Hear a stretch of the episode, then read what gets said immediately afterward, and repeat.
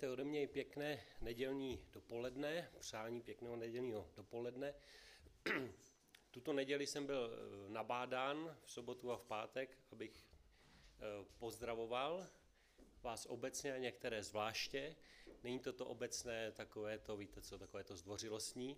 Skutečně u Karla jsem opravoval dvě pračky, eh, rozbili se jim obě dvě, když jsem tam přišel, jsem si dělal srandu z Jarči, že valchu má, takže v pohodě, ona omdlívala úplně.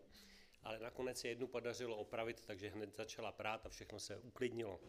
A Karel mě nabádal právě, abych eh, vás pozdravoval obecně a zejména Jirku.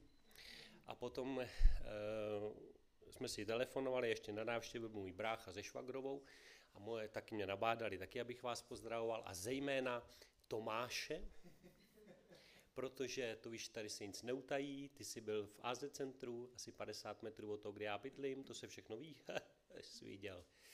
A právě, že tam byla kolegyně, mojí švagrový, a chválila si to moc, že říká, co to je za, za faráře, tam pěkně tam hovořil, o čem to tam mluvil. Já říkám, to už Tomáš takhle hovoří desetiletí a tak říkala kolegyně, furt dobrý, jo. Takže přijměte pozdravy u nás Havličkova Brodu. Ještě drobnou poznámku, eh, jak tady Jirka mluvil o tom eh, kalendáři, chci vás pozbudit, je dobré někdy studovat tu historii právě proto, aby pomáhala v našich životech. Třeba ten kalendář je velmi dobrý studovat třeba i pro ty, co se učí anglicky kdo umíte trošku anglicky, tak víte, že ty měsíce v angličtině ty nemají eh, skoro žádnou logiku a jsou ještě divně nějak posunutý celkově. A kdo si má pamatovat, co je listopad a co je prosinec, to snad nikdo neví, že jo? A přitom to není tak složitý. V historii, jak ty měsíce vznikaly, tak to bylo tak, že měsíc nezačínal teda eh, o Vánocích, rok nezačínal eh, o Vánocích, ale rok začínal v březnu, na jaře. A oni to udělali tak, že ty co to jako zaváděli, ty císaři, tak si pomenovali ty měsíce pitomci podle sebe samozřejmě, že jo? protože byli jedineční. Že jo? No a to, co už nebylo, tak ten zbytek byl, byly čísla. Jo? A protože to začínalo v březnu, tak je september je 7, oktober je 8 z latiny, eh, november je 9, jako devítka latinsky, a december je 10. Jo? Proto je to takhle, to jsou čísla, kdybyste to nevěděli. Proto je to tak, že já, když si to pamatuju, tak říkám v angličtině, je to stejný jako u nás, minus dva, jo. A je to vyřízení, takže prosinec je 10, December, a november je 9, november. Uh, listopad je 9, november. Podle toho si to pamatuju. No a ještě zajímavý na tom je mimochodem, proč má uh, um, červenec česky a srpen stejný počet dnů protože to je uh, August, že jo, od Augusta, a on blbec mu bylo blbý, že ten předchozí měsíc toho Julia uh, má 31 dnů a on, aby um, se mu zdálo, že 30, to se střídalo 31, 30, 31, 30 a uh, srpen vyšel na 30 a tomu bylo málo pitomcovi, tak si tam jeden den přidal. Jo, proto to je. To není kvůli prázdninám, aby byly další, ale protože Augustu se mu zdálo, že ten předchozí císař má víc dní než on. Taková hovadina. A to si pamatuju třeba, že jo. Takže se omlouvám za takové drobné to. Já bych dneska chtěl vám něco říci o blahoslavenství. To určitě znáte tu část, které říkáme kázání nahoře v písmu. A když budete chtít a bude, nebude se vám to zdát příliš dlouhé, tak bych vám potom ještě úplně na úplný závěr mohl zkazit Vánoce, eh, kdybyste chtěli my s Jirkou, a já jsem to eh, teďka nedávno připomínal, jsme si už říkali, když mluvíte o těch adventních nedělích, o Vánocích, jo, nebo nedej bože při tom eh, na štědrý den, při půlnoční, jako co tam chcete říct novýho.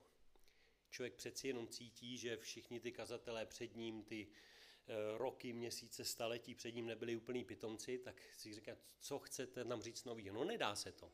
Nicméně dneska bych možná měl něco, co jste ještě obecně o Vánocích eh, neslyšeli, právě protože to souvisí s tím, co chci říct si dneska o blahoslavenství. Ale to až na závěr. Víte, já mám s tím slovem blahoslavený eh, léta problém. já, když se hovoří o blahoslavený, tak prvně, kdy já jsem slov, eh, slyšel slovo blahoslavenství, tak bylo eh, v době, kdy byla blahoslavená Aneška, česká. Jo, to jsem slyšel prvně. A už tehdy jsem nevěděl, co to znamená. A pak jsem zjistil, že v Bibli se mnoho o blahoslavených, blahoslavenství píše právě. E, počítal jsem to a v, e, jsou toho desítky veršů, kde se o tom píše. Dokonce ve starém zákoně e, je jich asi, myslím, 25, v novém zákoně dokonce 40krát nebo přes 40krát, kde se o blahoslavenství píše. Jeden ze zajímavých veršů, kde se o blahoslavenství píše, je třeba Žalm 1.1 jestli to nevíte. Já jsem to nevěděl a tam to je napsáno. A tam je napsáno, že blahoslavený je ten, který dnem i nocí přemýšlí o božích věcech. Jo? Blahoslavený je ten, kdo dnem, dnem i nocí přemýšlí o božích věcech. Aby nám to jako trochu přiblížilo, co by to mohlo být. Mně se pak hrozně líbí ještě jeden verš ze Sírachovce, Eh, ten je v deuterokanonických knihách, ale protože je velice pěkný, tak ho připomenu, kdybyste někdo chtěl, tak tam je uvedeno, že blahoslavený je ten, který používá rozum k přemýšlení. Mě mrzí, že to není v těch knihách, co byly vybrány do Bible, protože je to opravdu pěkné. Blahoslavený je ten, který používá rozum k přemýšlení. A já to mám rád. Já už od střední školy říkám, že já když přemýšlím, tak mě to nebolí, na rozdíl od mých e, spolužáků. Oni říkali, že je to bolí. A tak jsem přemýšlel o tom, e, co toto blahoslavenství je. Možná na to máte názor ucelený jako já, ale sledujte chvilku tu, eh, tu, ten můj vývoj, jak tam, byl, jak tam byl.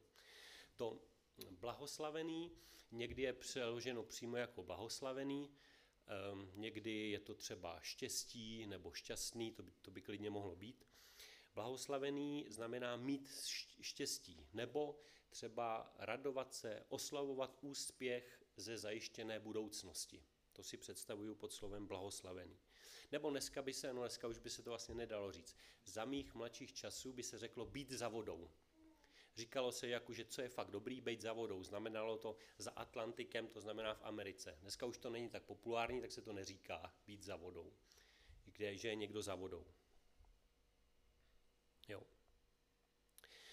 A já mám právě za to, že eh,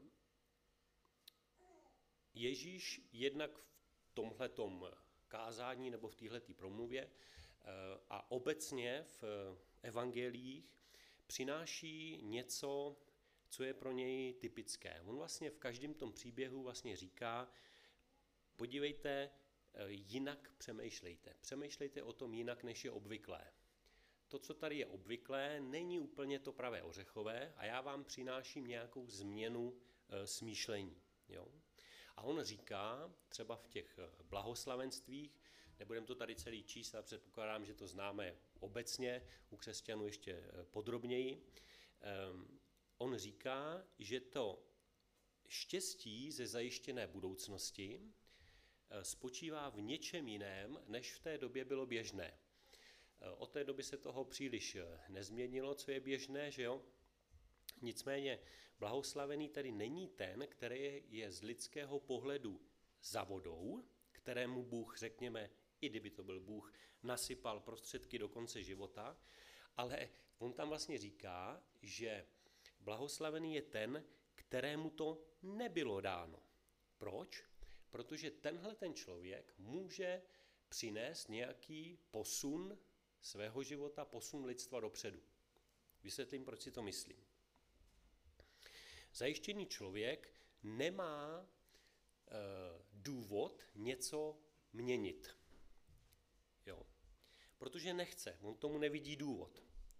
A to Ježíšovo hlavní poslání, jak na mě hovoří v těch evangelích, je, že on vlastně říká, hledajte tady, jak to tady jako vedete, to není dobrý, chce to nějakou změnu. Změnu smýšlení, změnu cíle našeho snažení. Ne nadarmo to slovo, které se překládá, my ho velice často používáme eh, jako křesťané, obrátit se, To slovo obrátit se v řečtině znamená změnit smýšlení. To není jako, že by člověk eh, jde tam a jde na druhou stranu, že by se obrátil, ale obraťte to svoje eh, přemýšlení. Změňte to svoje smýšlení. A ten finančně zajištěný člověk, ten vlastně nechce měnit svoje smýšlení. On to chce nechat, jak to je. Jo? Nech, on nevidí ten, kdo je za vodou, kdo má štěstí ze zajištěné budoucnosti, tak ji nechce měnit, protože tu svou budoucnost nevidí ve změně.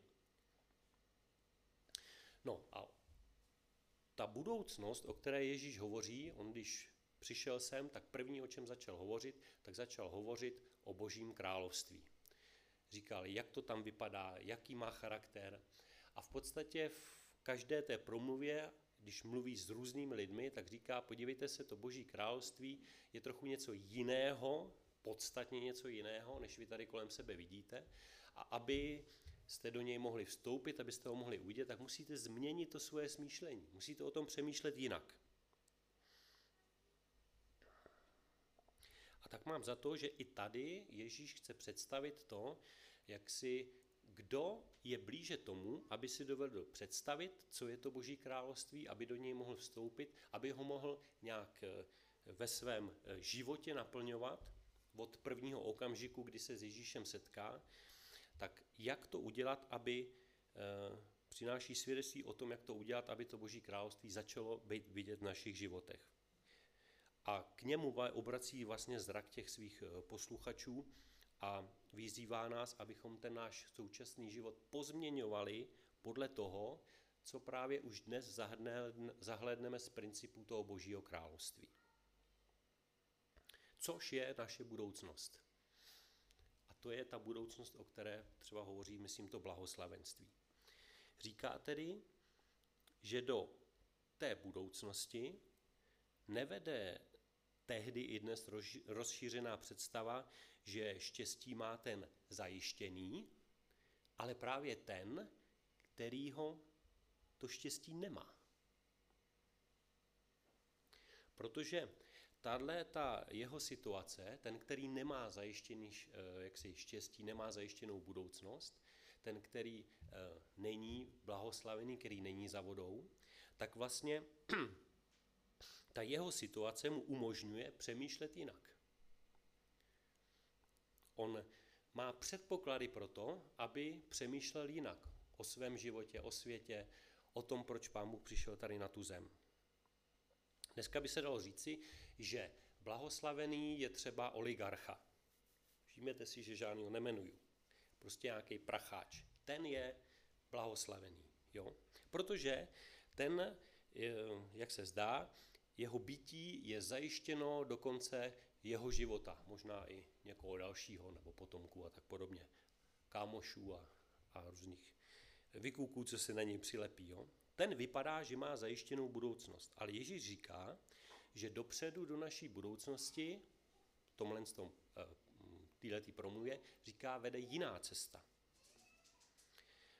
Ne nahoru na špici toho společenského žebříčku, bejt ten origalcha nebo pracháč, ale právě naopak cesta hlouběji do našeho nitra, hlouběji do našeho života. Tahle ta, tahle ta změna smýšlení, mám za to, že Ježíš o ní říká, že má budoucnost. No a do té budoucnosti překvapivě říká právě v tom kázání o blahoslavenství, vede cesta díky nepohodlí. Takhle mě to začíná dávat smysl po tomto blahoslavenství, který tam je. Ne, že by člověk měl to nepohodlí vyhledávat a blahoslavený eh, chudého ducha, že úplně nejlepší by bylo, aby jsme byli všichni úplně hloupí, že jo? nebo aby jsme byli chudí, abychom furt plakali. Ne, že bych tohleto vyhledával, že to je cíl naší cesty. Nicméně, řekněme si otevřeně, každého z nás potkává jednou to, že jsme chudí v našich životech, že jsme plačící a tahle ta situace nám umožňuje přemýšlet o těch věcech jinak. A Ježíš říká, to je ta správná cesta, když budete přemýšlet o těch věcech jinak. On říká, ono to vypadá jako, že ty chudí, plačící a e, chudí duchem třeba, že jo, takže to je, že jako to všechno skazili a že to je špatně. A Ježíš říká, pojďte se, ono to není špatně. Jo? Samotný to slovo blahoslavený je obtížně představitelný a tak já jsem eh, na základě teda toho řečeného možná by bylo lepší, kdyby se v tomhle století použilo překladu eh, mít budoucnost. Koukal jsem do mnoha překladů a všichni používají blahoslavený, eh, výjimečně štěstí má ten, jo, a eh, já jsem razím takový v tomhle století překlad mít budoucnost. Poprosím Jardu, jestli by mohl to promítnout.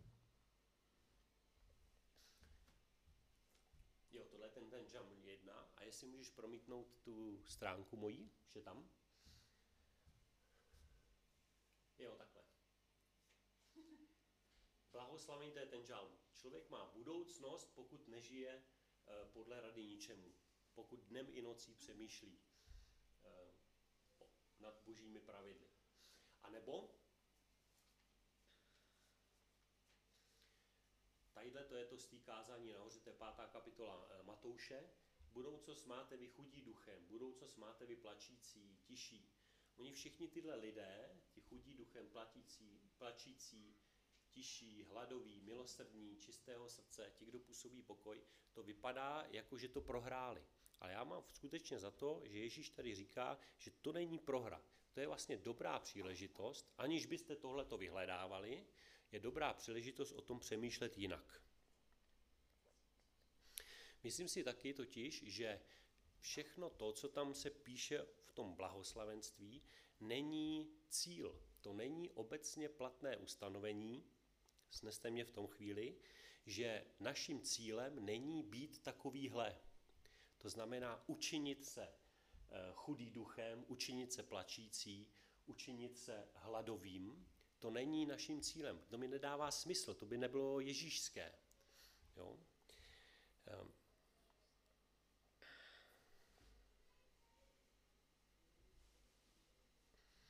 Je tam taky taková drobná poznámka, jsou tam některé verše, které vypadají, že jsou tam navíc, ale eh, tady třeba vidíte v tom prvním verši, že Ježíš vystoupil nahoru, k tomu se pak ještě v závěru dostanu, a posadil se a jeho učedníci ho obklopili. On těsně předtím tam je, že tam bylo plno zástupů, tak on jako poodstoupil od těch zástupů na tu horu a obklopili ho učedníci. Tohle to říká těm učedníkům. A Ježíš vždycky Eh, mluvil ke konkrétním lidem. Tomu nemluvil obecně, jako že někdo tamhle 300 eh, kilometrů daleko, ale určitě si představuju, že on říká, když říká, eh, budoucnost máte vy plačící, protože tam viděl někoho, kdo zrovna je v nějaký životní situaci, která ho nutí k pláči. Vy chudí duchem, to nechci říct, že by myslel, že byl hloupý, ale prostě vy hladový, tak mluvil ke konkrétním lidem přímo ale přesto si nemyslím, že by tohle byl obecně platný jaksi nějaký standard nebo etický kodex, ke kterému bychom měli směřovat.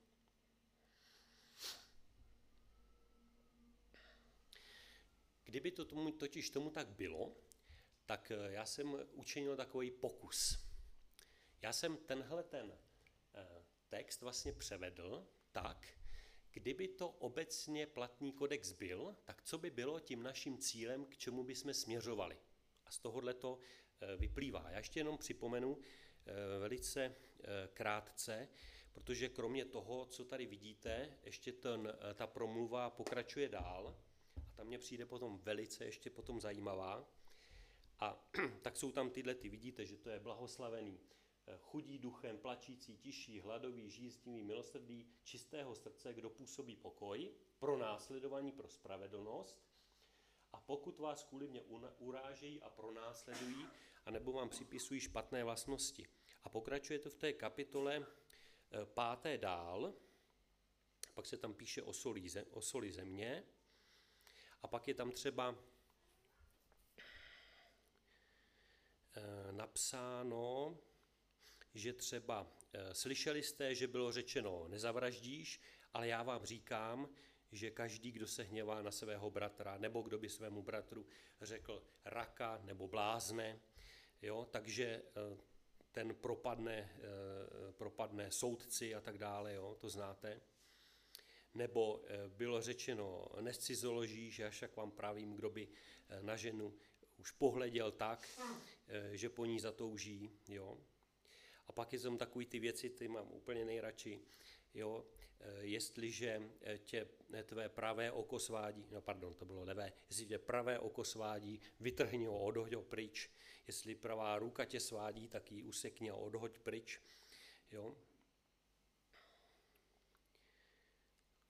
Dále je tam ještě, jo, že nebudeš křivě přísahat. Přísahu já si představuju tak, že kdo přísahá, tak vlastně hovoří vždycky o své budoucnosti. Přísahá, že něco v budoucnu bude.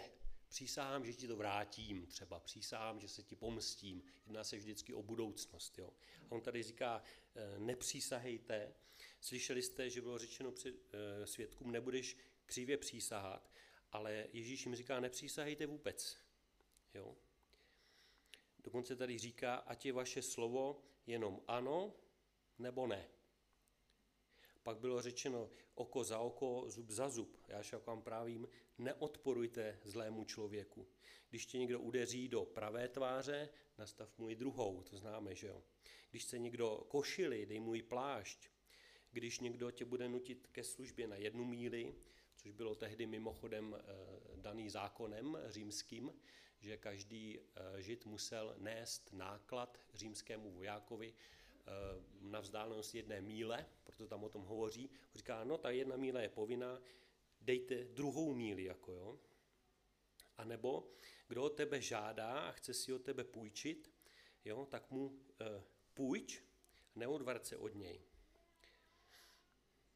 Jo? Milujte své nepřátele, žehnejte těm, kdo, vám, eh, kdo vás proklínají. Dobře čiňte těm, kdo vás nenávidí a modlete se za ně. Jako jo? A tak dále.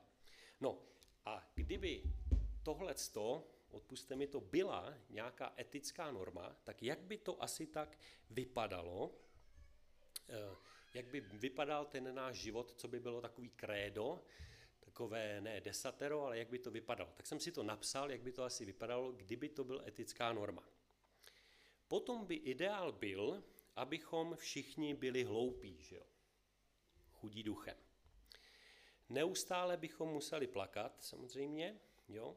samozřejmě potichu bychom plakali, e, nikdy bychom si nestěžovali a nežádali spravedlnost pro sebe. Ale přitom bychom se neustále hnali za spravedlností, nikoli však pro sebe, ale pro ostatní. Jo? A byli bychom ke všem milosrdní. A to z čistého srdce, bez postranních úmyslů samozřejmě. A tím bychom ostatním přinášeli pokoj a nám samým by to vyneslo jenom pronásledování, vězení a dneska bychom třeba řekli očernující články v novinách. novinách. Eh, navíc bychom museli vyřadit z našeho slovníku všechna slova, něco jako, promiňte mi to, to raka, to je blázen, jo? takže všechny blbce a blázne, blázny bychom museli ze svého slovníku vyřadit a používat jenom jiný dvě slova, ano a ne. Jo? jo, a z toho vězení, když už bychom tam byli, tak bychom vlastně vyšli jednoocí, vyšli bychom eh, jenom Eh, si levou rukou, nemohli bychom v našich řeči používat budoucí čas, abychom nepřísahali, co bude. Cokoliv, eh, nic bychom neslivovali, obě naše tváře by byly červené od toho fackování a chodili bychom jenom v tílku, protože košili a kabát bychom neměli samozřejmě. Že jo? A navíc bychom chodili pěšky a oklikou. To proto, aby to vyšlo na ty dvě míle žádnou nejkratší cestou. Jo? A doma bychom měli eh, prázdné knihovny a garáže, protože všechno by byly rozpůjčované a neustále bychom chodili za našimi nepřáteli a s modlitbou a žehnáním na rtech jim sekali zahradu a měli auta, protože dobře čiňte těm, co vás nenávidí. Já to samozřejmě trochu přeháním tohle z toho a dělám si z toho trochu legraci, ale pokud bychom ta slova blahoslavenství vzali jako obecně platná, jako cíl našich životů, pak by to asi tak takhle mohlo vypadat.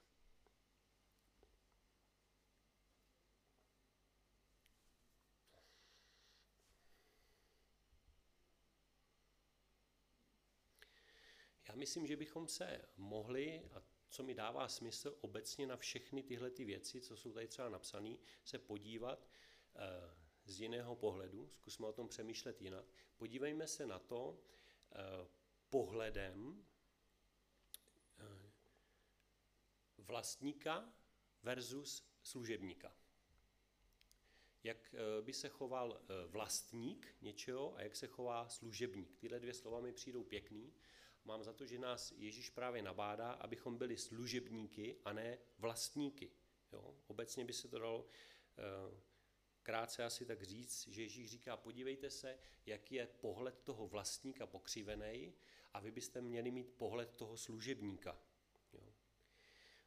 Možná tím Ježíš právě chce říct, že budoucnost mají ti, kteří si o sobě nemyslí, že všemu rozumí, že jsou všeho vlastníky a určujícími hybateli společnosti a, a třeba jejich pravidel, ale že budoucnost právě nemají vlastníci, ale služebníci.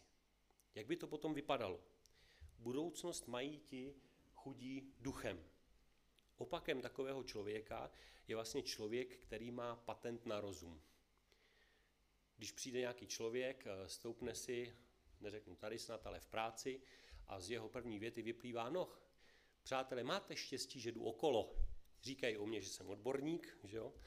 Tak to je člověk, který je vlastník pravdy. On prostě vlastní pravdu a ještě má takovou, řekněme, zvrácenou myšlenku, že vy všichni ostatní to chcete vědět, jaká to je. Chcete se přiučit, chcete jako se zlepšit. Jo. Ale právě mám za to, že třeba ti chudí duchem jsou ti, kteří tu, vlastnu, eh, který, kteří tu pravdu eh, nevlastní. Tak možná nám to blahoslavenství, jak tady o něm Ježíš říká, chce říci, že každý, kdo s námi mluví tak, jakože je držitelem pravdy, jakože všechno ví, a my jsme ti hloupí a máme velký štěstí, že jsme potkali jeho, tak tihle lidé, tak takovýhle vlastník budoucnost nemá. Budoucnost má ten, který si nemyslí, že tu pravdu vlastní.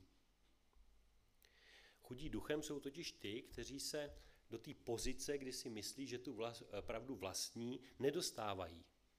Pak mám za to, Ježíš říká, tihle lidé mají budoucnost. Ti, kteří se nedostávají do pozice, že vlastní pravdu. Chudí duchem si nemyslí, že má klíče od moudrosti a vlastně Ježíš chválí, v tomhle ta budoucnost je, když máte takovouhle představu.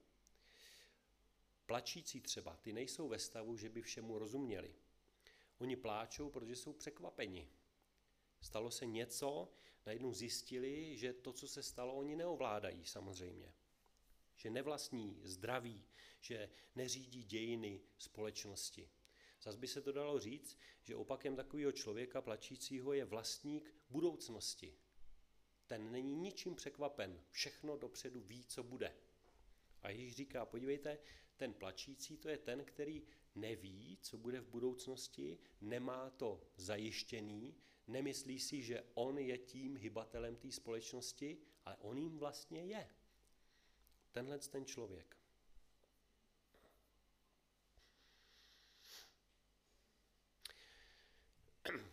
Nebudu říkat všechno, ale dá se o tom takhle eh, přemýšlet, třeba ty žíznivý po spravedlnosti. Kdo je žíznivý po spravedlnosti? Ten, který tu spravedlnost neurčuje, že jo? Kdybych ji určoval, kdybych byl soudce nad všemi, nejvyšší a nikdo mě nemohl korigovat, tak jako potom nebudu po spravedlnosti žíznivý, protože ji určuju. Ale Ježíš říká, podívejte se, ten má budoucnost, ten může přinést nějaký pokrok v životě svém, obecně v životě té společnosti, v životě lidstva, který si nemyslí, že tu spravedlnost vlastní. Proto po ní žízní. Třeba mě přijde, jako e, jsem přemýšlel o tom, proč jsou milosrdní lidé. Tady je blahoslavení milosrdní, že jo? Proč jsou vlastně milosrdní lidé? Proč jsou potřeba? Protože jsou tady lidé, kteří potřebují milosrdenství, prokázat milosrdenství. Ale kdybyste byli majitelem tohohle světa a zařídili to tak, aby nikdo nepotřeboval skutky milosrdenství, tak byste nepotřebovali milosrdní býti. Všechno by bylo OK. Ale ono to tak není prostě. Ne, že bych si to vybral. Vidím to, že to kolem sebe tak není. A Ježíš říká, podívejte se, ty milosrdní, ty to dělají proto, protože chtějí pomoci druhému napravit něco v drobností, pomoci druhému, přinést mu milosrdenství, v něčemu pomoci, v něčemu podpořit, někam ho dovést, podepřít. Takoví lidé prostě jsou. Vypadá to, že no to je pro mě? Děkuji. Milosrdní, žíznivý je tam taky určitě, že jo? jo. Kdybych byl vlastníkem sociálního systému, tak bych to udělal tak, aby to milosrdenství nebylo potřeba. Ale já jim obecně prostě nejsem. Jo. Tak mám za to, že tady Ježíš obecně říká, že budoucnost mají ti nevlastníci. Kdo si nemyslí, že to tady řídí, že to tady uh, zcela ovládají. Že budoucnost mají ti služebníci. Jo. Ti lidé, kteří vidí, že je potřeba pomoci i těm, na který ten současný, uh, řekněme, sociální systém třeba nemyslí. Já jsem rád, že ten sociální systém máme.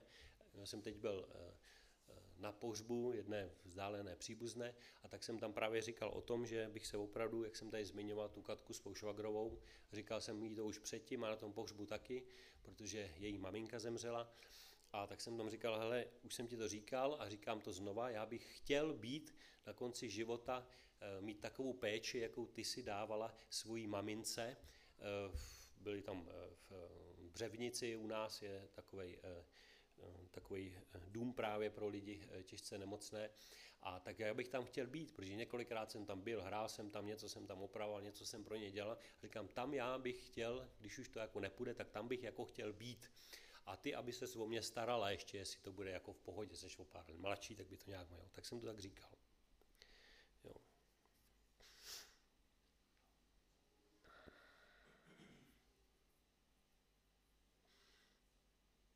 Mám za to, že všechny ty naprosto konkrétní situace, které jsou ukázány tady v těch blahoslavenstvích, jsou vlastně příležitostí, jak ti to konkrétní lidé, kteří si nemyslí, že vlastní patent, patent na rozum, nemyslí si, že jsou eh, zabezpečení do konce života a že nemohou nikdy onemocnět, nemyslí si, že svou eh, pravdu musí hlasitě říkat eh, každému, koho potkají,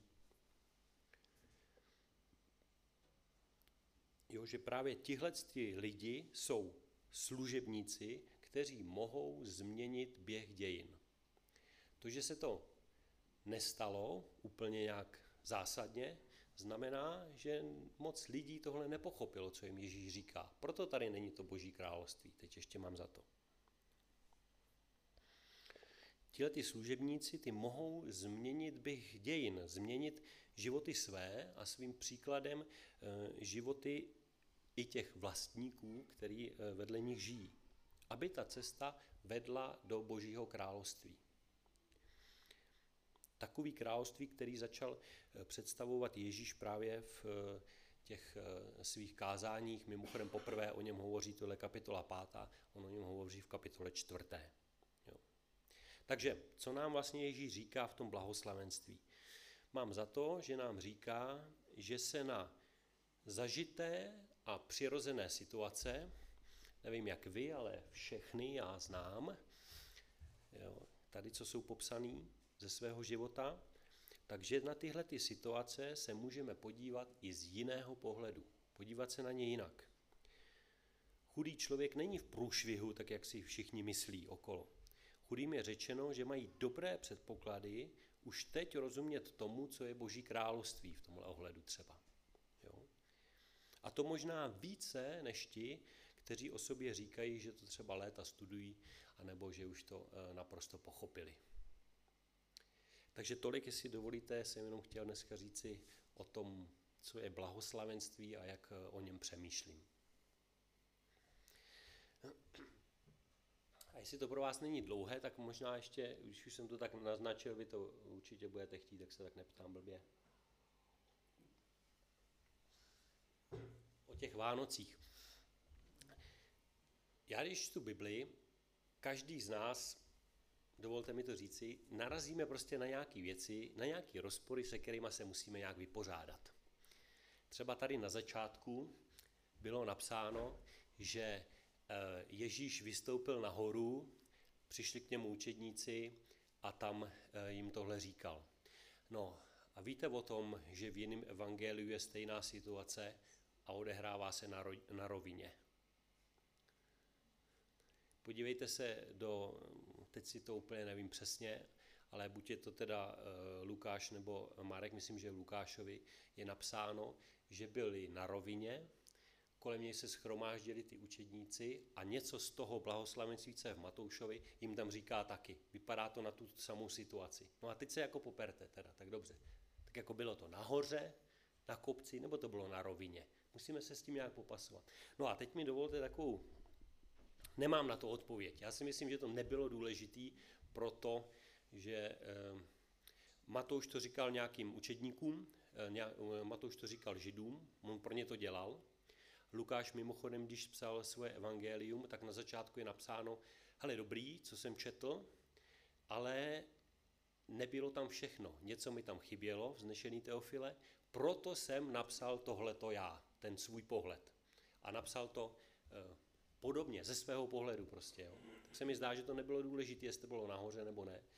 Možná to bylo důležité právě pro ty židy, pro ně to byl určitý symbol, že to je jako eh, na nějakém kopci. A Lukáš to psal jinými lidem a ty v tom neviděli nic jak něco jako já, co se tahat někam do kopce. Šel jsem na říp a to je mizerný, vypadá to, že nic, ale hrozný krpál potom.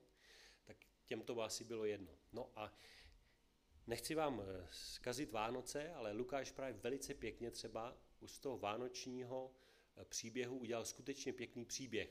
Čte se to tady a mně se to líbí, jak to za císaře Augusta bylo to sčítání, jak to tam bylo, celý ten příběh, jak tam probíhá. Nicméně, když to potom, řekněme, studujete podrobněji, tak přijdete na nějaký prostě věcný nedostatky. Třeba od začátku eh, se mluví, co jsem první viděl, jako, jako tak bylo to v prosinci 24. v zimě, Vypadá to, že asi ne z těch indicí, co tam jsou. A je na tom mnoho teorií, jak to bylo či nebylo. A nebo tam vystupují postavy, velice eh, vznešené postavy. Tam vystupují králové, eh, přinášejí tam to nejcennější, třeba do toho Betléma přinášejí to nejcennější, co v té době bylo. Kadidlo, zlato, kadidlo a mirhu. Dneska bychom to řekli, že to je třeba zlato, platina a čipy do automobilů. Jako jo prostě to nejcennější, co jako dneska máme. Eh, jsou to, vystupuje tam eh, Herodes, vystupují tam prostě zásadní, eh, jaksi zásadní postavy, celebrity, řekněme. Jo. Problém je tam trošku v tom, že třeba tam vystupují v jedné situaci dva lidé, kteří nemohli podle historických pramenů žít spolu. Třeba ten jeden umřel 15 let předtím, než ten druhý se stal, dostal tu funkci, o který je tam jeho psáno. Jo. To mají někdy filozofové s tím problém, co s tímhle s tím. I v tom příběhu dál, co se týče potom třeba velikonočním, tak tam vystupují postavy, které úplně to neodpovídá, nemohlo by být Ježíšovi tolik, kolik vypadá, že mu bylo třeba při ukřižování. Jsou tam nějaký tyhle ty rozpory. Ale co jsem chtěl říci, Zkusme o tom přemýšlet možná trochu jinak, nevím, jestli už jste to někdy slyšeli, ale zkusme o tom přemýšlet tak, co vlastně v tom vánočním příběhu vidíme. My vidíme, že naprosto neznámý, naprosto rodina bez historie, eh, nějaká eh, Marie eh, s Josefem, ještě ani nebyli sezdáni, jdou do nějakého města naprostého zapadákova, dokonce to tam ještě potom zmiňují, že to je naprosto jako jestli se má něco odehrávat, ne, aby to bylo pěkný do filmu, tak hop do Jeruzaléma třeba, jo? nebo do Říma, nebo někam. Ne, oni jdou do Betléma nebo do Nazareta, nic tam nebylo. To i tam, kde se narodila moje žena v Herálci, mají několik rodáků pěkných. Třeba e, pochází tam člověk, který chodil po měsíci astronaut. Ten je, jeho předkové pocházejí z Herálce, jo? mají tam malíře, třeba vy tady máte v kameničkách jednoho, my máme v Herálce taky jednoho takového. A ještě tam, byl, ještě tam byl jeden, teď si nemůžu vzpomenout, ale prostě v tom Betlémě nic, nula. To je něco jako v Boňkově, kde jsem se narodil já. Tam nemají být na koho pišní. Víte, kde je Boňkov? No, přesně, a přesně tak to bylo. Nikdo neví, kde to je. A to jsou tady v Čechách dva. Boňkovi. Jediná vesnice, která je jenom jedna na světě, a taky se tam nikdo zvláštní nenarodil, no jeden jo, je Věž. Tam je eh, můj švára mimochodem. A z Věže pochází ten chlápek. Už se tak neříká, ale něco takového tam je pořád. Jo. Eh, a tam, ale to mi nepřišlo tak zajímavý, mně přišlo zajímavý, tam bydlí chlap, nějaký pan Polanský, a on vymyslel tu směs eh, tabáku v Kutní hoře pro e, marsky. Jestli jste někdo kouřil před mnohými lety, my ve škole, jako, tak ty marsky to vymyslel ten chlap z věže. A to je jediná vesnice, která je jediná jako na tom. Ale o Boňkově třeba neví nikdo. Si představte, že to je Boňkov. Jeden je tadyhle na Moravě, druhý je u Humpolce právě, u té věže mimochodem, a tam jsem se narodil já, nikdo o tom neví. A přesně takový, vlastně proč ten příběh tam je připomínán, že to je, že se narodí prostě někdo naprosto významný, kdo mění běh dějin v takovém zapadáku, jako je Boňkov. Prostě, jo. Betlém, jo. Aby... Nebyl? Královské město. Královské město to To, bylo. to mělo pověst toho, že se tam narodil David, to nebyl zapadákov. No pověst to mělo, no.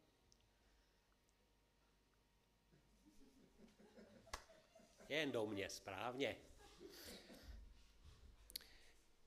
Ale co chci říci o tom, je, že Teď tě teď mě vykolejila, jen tak. no. Ale to je správně, to je jako správně. Dobře, no, tak nic, no. Tak pro tebe to je zapadákov. A To svatostí Božkova. Je to normálně odpustíme. Je to dvě na to.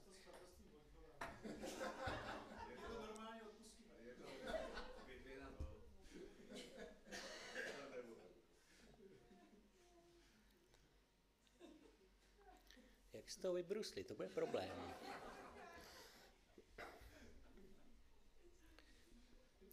Třeba tím, že ty židé očekávali eh, Davida. Co oni očekávali? Oni očekávali krále, který přijde, vyžene ty římany, ty je tam ty trápili, že jako půjdou do háje a dobrý, budeme se mít dobře. Nastolí království. Ale to se vůbec nestalo. Narodil se nějaký dítě, jako král nevypadal. Když potom triumfálně vjel do Jeruzaléma, tak to chvíli vypadalo jako, že jo, ale maximálně co udělal, tak tam vyhnal nějaký bezvýznamný obchodníky z chrámu a když eh, se jeden z učedníků, když ho chtěli zatknout, postavil se zbraní v ruce, tak mu ještě vynadal poměrně drsně, co pak nevíš, jakého, eh, jakého já jsem typu, žádný násilí tady nebude a ještě musel zachraňovat to úseklý ucho, co mu udělal. Prostě jenom chci říci o tom, že možná je to tím, že ta naše představa, jaký bude Boží království, jaká bude záchrana lidstva, není taková, jakou očekáváme my, nebo jakou očekávali židé. Že to bude nějaký mocný král, který tam přijde.